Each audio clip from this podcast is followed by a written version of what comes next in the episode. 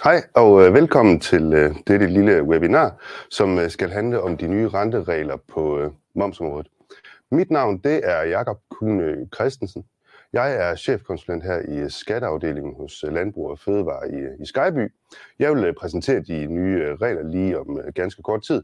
Med mig der har jeg Signe, som er moms- og skattekonsulent i, øh, i vores afdeling, og hun vil øh, holde løbende styr på, på spørgsmålene og komme op til sidst, så vi lige kan få forvente de spørgsmål øh, igennem, som, som kommer løbende under min præsentation. Men øh, videre til, øh, til gengang. De nye renteregler ved øh, efterbetaling af, af moms, er det det, det skal handle om den næste, den næste halve times tid. Ganske kort øh, program. Velkommen og lidt om øh, det praktiske. Det har vi lige haft. Jeg vil øh, præsentere de nye renteregler lige om øh, ganske kort tid. Til sidst, der vil vi have svar på de spørgsmål, som bliver, som bliver stillet. Vi vil gerne have, at I stiller spørgsmålene løbende i, øh, i chatten, og så vil vi samle op på spørgsmålene til sidst efter min, øh, min gennemgang. Tiden, vi har sat af til det i dag, det er 30 minutter, men øh, lad os se, om ikke øh, det kommer til at passe sådan øh, nogenlunde. Nu vil vi i hvert fald gå i kast med, øh, med præsentationen og blive lidt klogere på de, de nye renteregler. Men hvis vi, hvis vi lægger lidt ud omkring helt generelt betaling og angivelse af, af moms, jamen det foregår via virksomhedens øh, skattekonto hos øh, Skattestyrelsen. Den findes på Tast Selv Erhverv, hvor virksomheden i øvrigt er vant til at angive moms og afgifter, eller hvad ellers de, de skal angive. Øhm, skattekontoen, den omfatter blandt andet betaling af moms, lønsumsafgift, selskabsskat, udbytteskat, punkt- og miljøafgifter, andre afgifter og andre renter og gebyr. Den omfatter altså hovedparten af de registreringsforhold, som, øh, som virksomheder de har hos, øh, hos Skattestyrelsen. Skattekontoen fungerer på den måde, at den virker efter et, øh, et saldo-princip. Betalinger de er altså ikke øremærket til skattekontoen. Ældste gæld den bliver betalt først, og så bliver der ellers skrevet ned på, på kontoen, hvis der måtte være en, en gæld. Det er vigtigt at være opmærksom på generelt omkring skattekontoen, at man skal betale til tiden på skattekontoen. På den måde forstået, at man ikke skal betale for tidligt. Skattekontoen den arbejder med såkaldt øh, 5-dages regel, at hvis man betaler mere end 5 dage før en betaling skal foretages, jamen så kan man risikere, at pengene de bliver sendt ud igen, hvis ikke man selv har løftet sin såkaldte udbetalingsgrænse, som er en grænse, som øh, virksomheden selv kan regulere for, hvor mange penge man kan have stående på skattekontoen, uden der er et, øh, et øremærket krav der, dertil. Ved ordinær indberetning og betaling af moms, så er det således, at moms og punktafgifter de indberettes og betales øh, løbende periodevist via til selv erhverv, hvor skattekontoen også findes. Man indberetter og betaler typisk moms og afgifter månedligt, kvartalsvist eller halvårsvist, alt afhængig af, hvordan virksomheden er, er registreret. Når man laver den ordinære moms- eller afgiftsangivelse til tiden og betaler til tiden, jamen så bliver det selvfølgelig ikke tale om hverken betaling af renter eller gebyr. Hvis man angiver eller betaler den ordinære eller moms- eller afgiftsangivelse for sent, jamen øh, så kan der blive tale om betaling af renter eller gebyr. Rentesatsen den er her 0,7 procent øh, per måned, og der kan også, hvis man ikke får angivet til tiden, så kan der blive tale om, at man får rykkergebyr, det er 65 kroner stykket, eller hvis man ikke får angivet sin ordinære angivelse til tiden, så kan man få en forløbig fastsættelse, som bliver medfuldt af et gebyr på 800 kroner. Det er det FF-gebyr, som jeg omtaler her øh, nederst. Det er altså de ordinære indberetninger, de løbende indberetninger af moms eller afgifter. Og der er det måske vigtigt lige at tale en, øh, en lille smule ind i, når en virksomhed så har lavet sin øh, ordinære indberetning af moms eller afgifter, hvis virksomheden så bliver opmærksom på, at den har indberettet for lidt i en øh, given periode, så kan man lave en efterindberetning, normalt øh, kaldet en efterangivelse for perioden. Når man øh, laver den, jamen, så skal den betales inden for 14 dage. Betaler virksomheden her beløbet til øh, tiden, jamen så skal der ikke betales øh, renter. Og det gælder i øvrigt også, når Skattestyrelsen de efter opkræver moms eller afgifter i forbindelse med en, øh, en kontrol. Betales beløbet inden for 14 dage efter påkrav, jamen så bliver der ikke tale om, øh, om renter, hvis man retter tilbage i tiden, hverken ved sin egen eftergivelse eller hvis øh, Skattestyrelsen de efteropkræver ved øh, kontrol. Betales øh, beløbet her derimod ikke inden for de 14 dage, som, øh, som der gives frist til, jamen så vil der blive beregnet renter, men dog kun fra det tidspunkt, hvor betalingsfristen, altså de 14 dage, de, øh, de udløber. Rentesatsen den er også her øh, 0,7 procent øh, per måned. Og der er det måske vigtigt lige at kigge en lille smule ind i, jamen, hvad er forskellen på den ordinære angivelse og en efterangivelse? Det handler jo alt sammen en lille smule omkring periodisering. Køb og salg, det skal periodiseres til de korrekte perioder, når vi taler om moms. Fakturadatoen, den er som udgangspunkt afgørende for, hvad hedder det, hvornår et øh, givet salg eller køb skal periodiseres. Det gælder øh, både ved salgs- og købsmoms. Øhm, hvis man lige tager et lille eksempel. En virksomhed finder i april 2022 ud af, at en række salgsfakturer, som er udstedt øh, den 31. december 2021, ikke var blevet indberettet på momsudgivelsen for fjerde kvartal 21. De var ved en fejl blevet bogført i øh, januar 2022, jamen kan de så bare tages med i momsindberetningen for første kvartal 2022? Nej, de skal, de skal periodiseres korrekt, og de skal altså efterangives, efterindberettes til fjerde kvartal 2021. Det kan være et eksempel på, hvornår man har brug for en øh, efterindberetning eller efterangivelse af, af moms. Periodisering ved regulering af det delvise momsfordrag, hvis man har en virksomhed, som både har momspligtig og momsfritaget omsætning. Så arbejder man med en øh, delvis momsfordragsret, som man bogfører løbende, og som man skal regulere ved årets øh, udløb. Det er vigtigt lige at sige her på starten af, at den her regulering, den vil i fremtiden skulle ske i den 6. måned året efter. Der bliver altså ikke tale om en efterangivelse af moms, og sådan nogle reguleringer vil altså ikke blive omfattet af de nye renteregler, som, øh, som jeg kommer til, øh, kommer til nu. Hvis vi så kigger lidt ud i fremtiden, rentereglerne fremover, når det kommer til øh, momsafgifter, jamen de vil ramme ved blandt andet efterangivelse af moms, lønsumsafgift, punktafgifter og miljøafgifter, som er omfattet af skattekontoen. Og der er det også meget vigtigt lige at lægge mærke til, renterne de rammer, når der skal betales beløb. Skal virksomheden have penge tilbage for en periode, så bliver der altså ikke beregnet nogen renter til gode for, for virksomheden. Virksomheden skal betale renter, når der kommer et beløb til betaling, men får altså ikke renter, når de skal have penge tilbage. Hvis vi ser lidt mere specifikt på det, rentereglerne vedtaget ved øh, lov nummer 832 af 14. juni 2022, der skal betales renter tilbage til den oprindelige angivelses- og betalingsfrist, når virksomheden laver en efterangivelse til en tidligere periode, som som sagt medfører en øh, betaling. Det medfører også betaling af renter i situationer, hvor Skattestyrelsen de efter opkræver moms eller afgifter ved en øh, kontrol.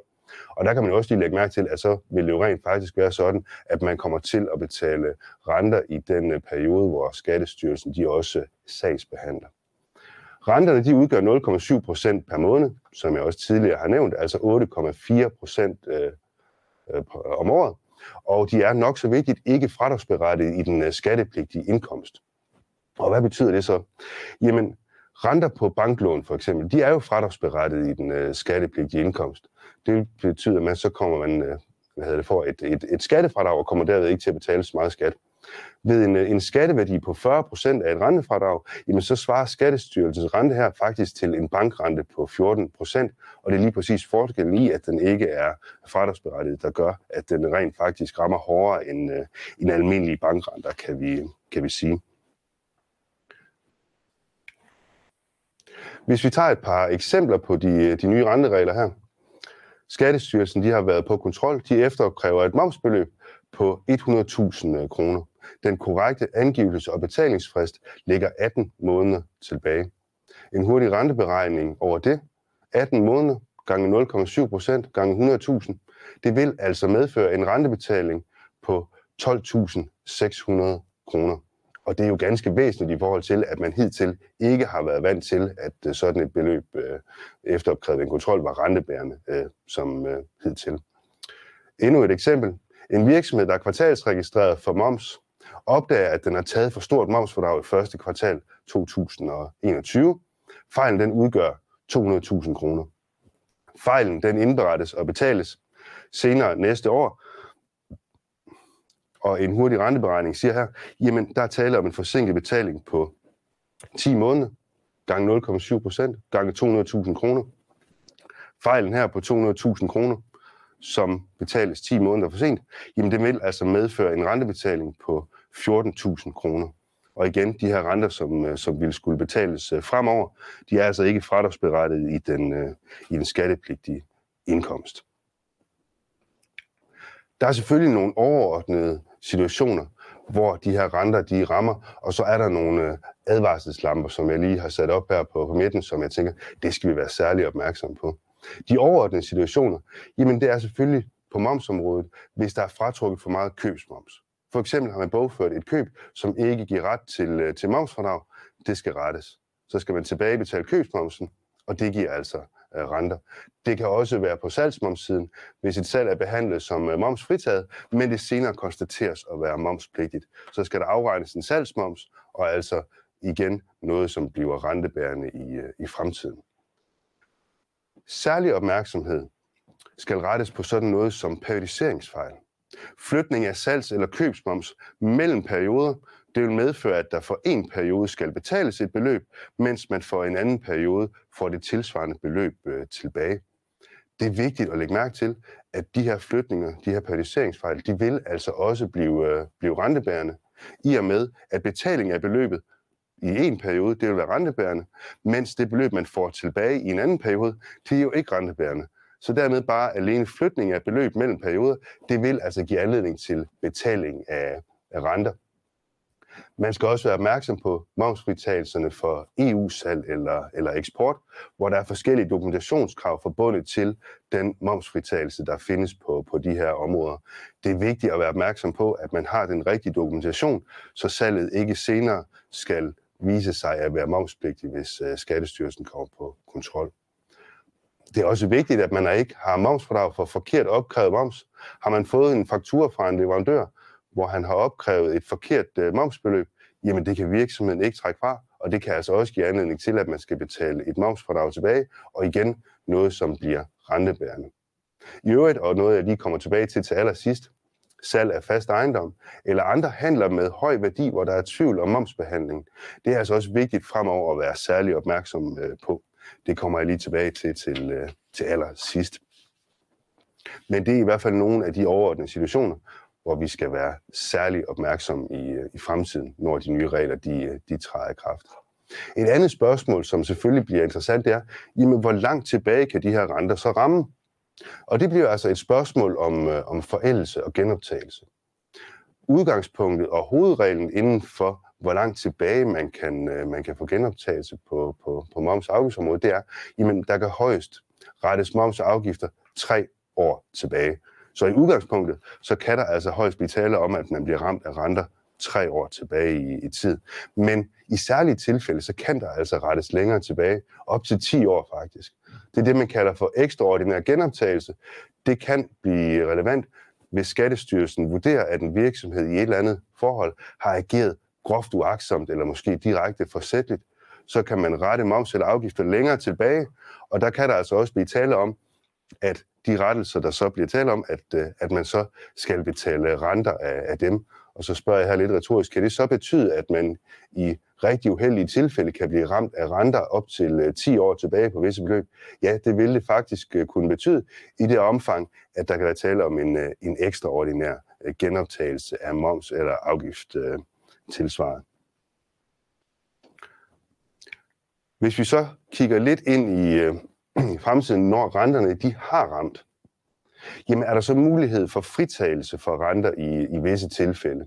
Ja, det vil der være. Det skal dog ske efter ansøgning, det vil sige, at der er ikke specifikke situationer, som øh, øh, per definition undtager fra beregningen af renter, lige snart der skal betales et moms- eller afgiftsbeløb, så vil der blive beregnet renter. Men man kan efter ansøgninger ud fra en øh, konkret vurdering få en, øh, en fritagelse for, for renter, som øh, skatteministeren har udtalt, hvis det på grund af særlige omstændigheder findes urimeligt at fastholde rentekravet. Og det er jo så tilpas en løs formulering, som man tænker, jamen hvornår er det så lige der? Øh, praksis på, på det her område med fritagelse for renter og gebyr, det har tid, hidtil været øh, øh, forholdsvis restriktivt. Det har været svært at få en, øh, en fritagelse, og der er som udgangspunkt ikke nogen grund til at tro, at det i fremtiden øh, skulle blive meget anderledes. Skatteministeren han har været øh, spurgt til specifikke situationer, og man kan tænke sig, at det kunne give fritagelse for, for renter. For eksempel har han været spurgt til lige præcis de her periodiseringsfejl, som jeg, som jeg nævnte før, hvor man for en periode betaler et beløb, mens man for en anden periode skal have et, øh, et beløb tilbage. Han siger i den forbindelse, meget taler for det, men det er en konkret vurdering. Så der får man altså heller ikke et, øh, et helt klart svar. Det er et område, hvor man skal sige, Skattestyrelsen lige skal lige så stille udvikle en, øh, en praksis, men altså heldigvis er det da godt at vide, at de her periodiseringsfejl, det måske ikke er helt usandsynligt, at man kan få en, øh, en fritagelse for renter på, på dem. Sådan noget som, øh, som kommafejl. Hvis man for eksempel kommer til at sætte et, øh, et komma et eller to pladser forkert, så man kommer til at, at angive alt for lille et beløb, som senere skal efterreguleres, der siger skatteministeren, at det vil sandsynligvis blive tale om, at det, det er muligt at få fritaget renter på, på det, når man går ind og får rettet sådan et, et beløb. Hvornår træder reglerne så i kraft? Det er jo ganske væsentligt dog øh, at lægge mærke til, og der er også en vinkel her, vi skal være særlig opmærksom på. Som sagt, øh, loven den blev vedtaget i, øh, i midten af juni 2022, og nogle af reglerne trådte faktisk allerede i kraft allerede den 15. Juni 2022.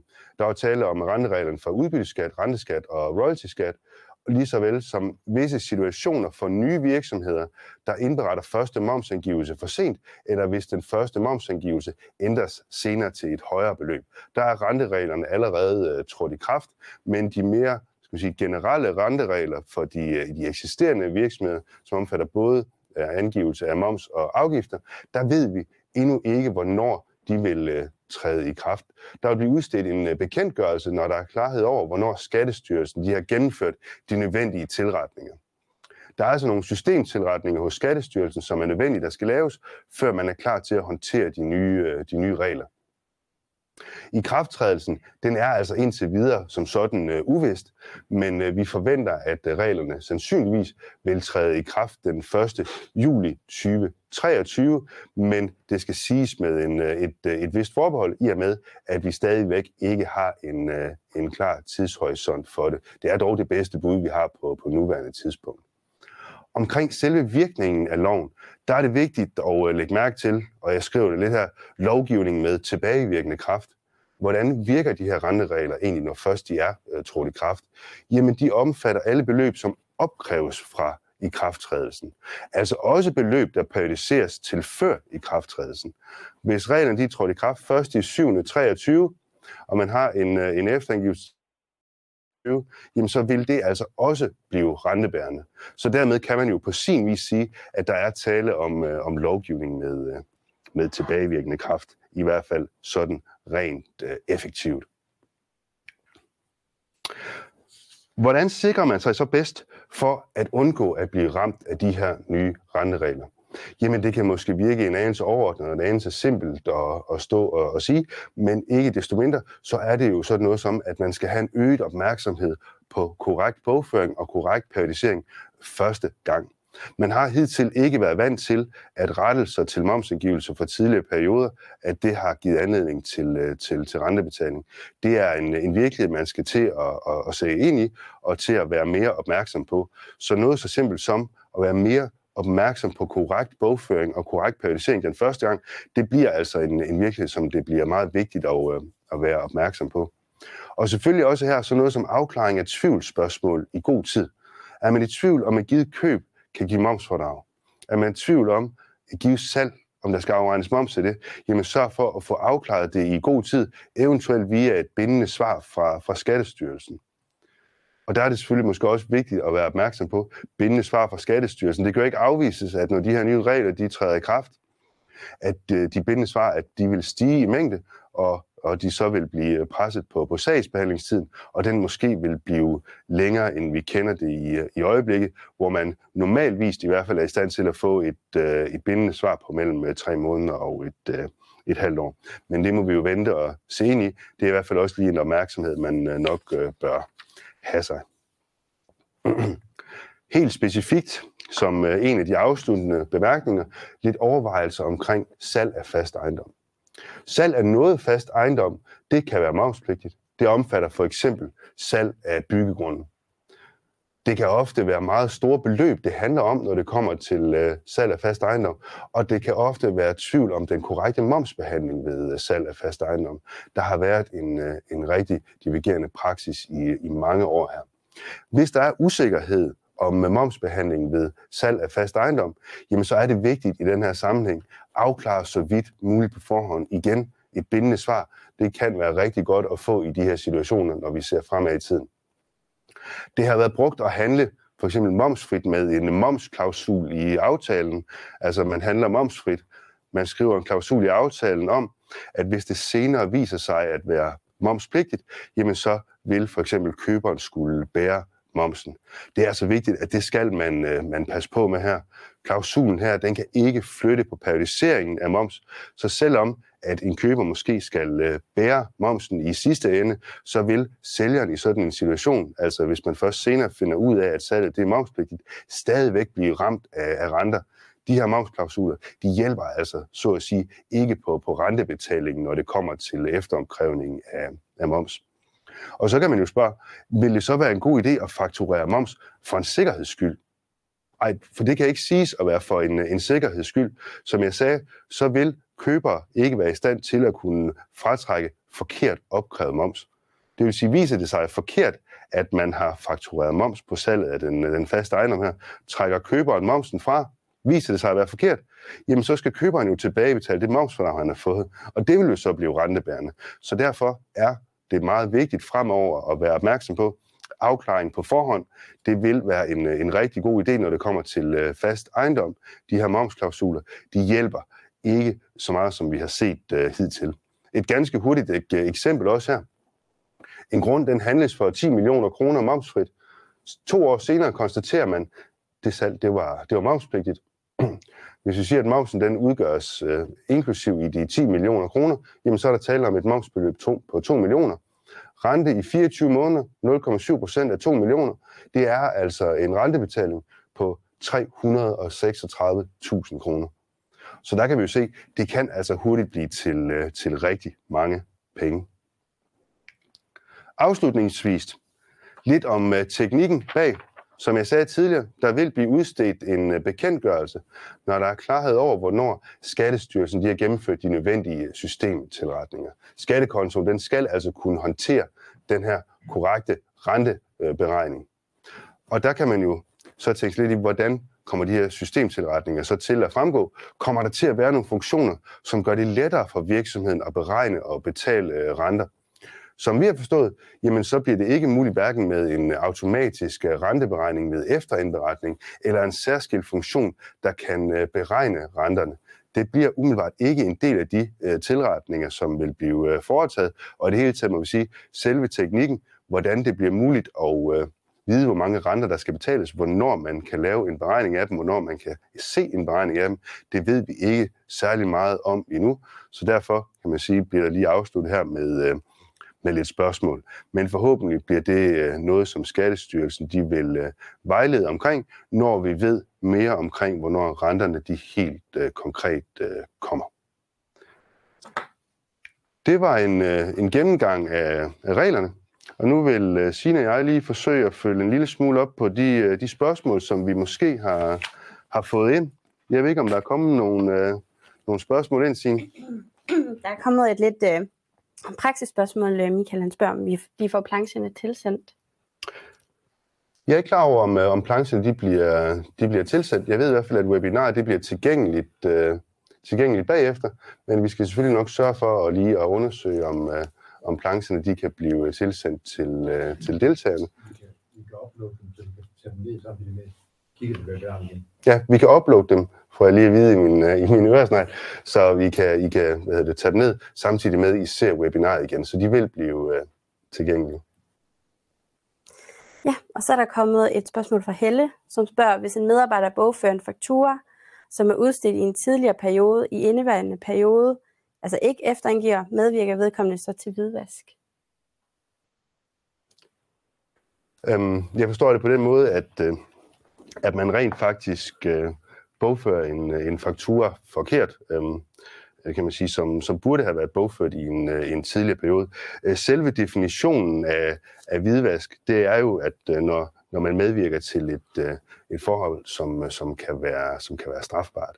Og i, i den omfang, så vil jeg da sige, at det er der ikke alene af den årsag Øh, kan man sige, at man, at man bogfører i en, øh, en forkert periode, at man er medvirkende til, til hvidvask. Om man i en konkret situation kunne sige sig være det, det, det kan jeg da ikke øh, afvise, men alene det, at man, at man bogfører den ene eller den anden årsag forkert i en uh, forkert periode ved en, ved en fejl, det kan vel ikke alene i sig selv siges at være medvirkende til et, uh, et strafbart forhold. Men igen, det er også en, uh, en konkret vurdering, om, uh, om, om det er om det er medvirkende til et uh, strafbart forhold og dermed til, uh, til hvidvask. Mm. Det håber vi var svar. Og så spørger Eva, hun spørger om, er der en bagatelgrænse for renterne? Um, nej, der er som sådan ikke en, uh, en bagatelgrænse for, for renterne. Der er altså ikke tale om, at for eksempel efterangivelse af 500 kroner eller 1000 kroner, at det så vil blive, uh, kan man sige, under en, uh, en, en hvad hedder det, under renteberegning. Det er der ikke som så, så sådan, der er der ikke tale om en, øh, en bagatelgrænse på, på andre områder. Men det kunne være en, en rigtig god idé, det synes jeg da også, det kunne, Øhm, fordi det kan jo også kan man sige, hvis man eftergiver få 100 kroner, blive tale om et, øh, et, et lille kan man sige, petitessebeløb, som man skal, øh, som man skal betale i, i renter. Og i den sammenhæng, så er det jo måske også vigtigt lige at, at lægge mærke til, hvis man får tilskrevet selv sådan et, et lille rentebeløb som det her, og har man for eksempel en, en, en eller anden form for betalingsaftale eller noget på, på skattekontoen, så kan det også blive talt om, hvis man så ikke får betalt renterne, at de så, øh, kan man sige, gør, at man får en betalingsaftale ophævet.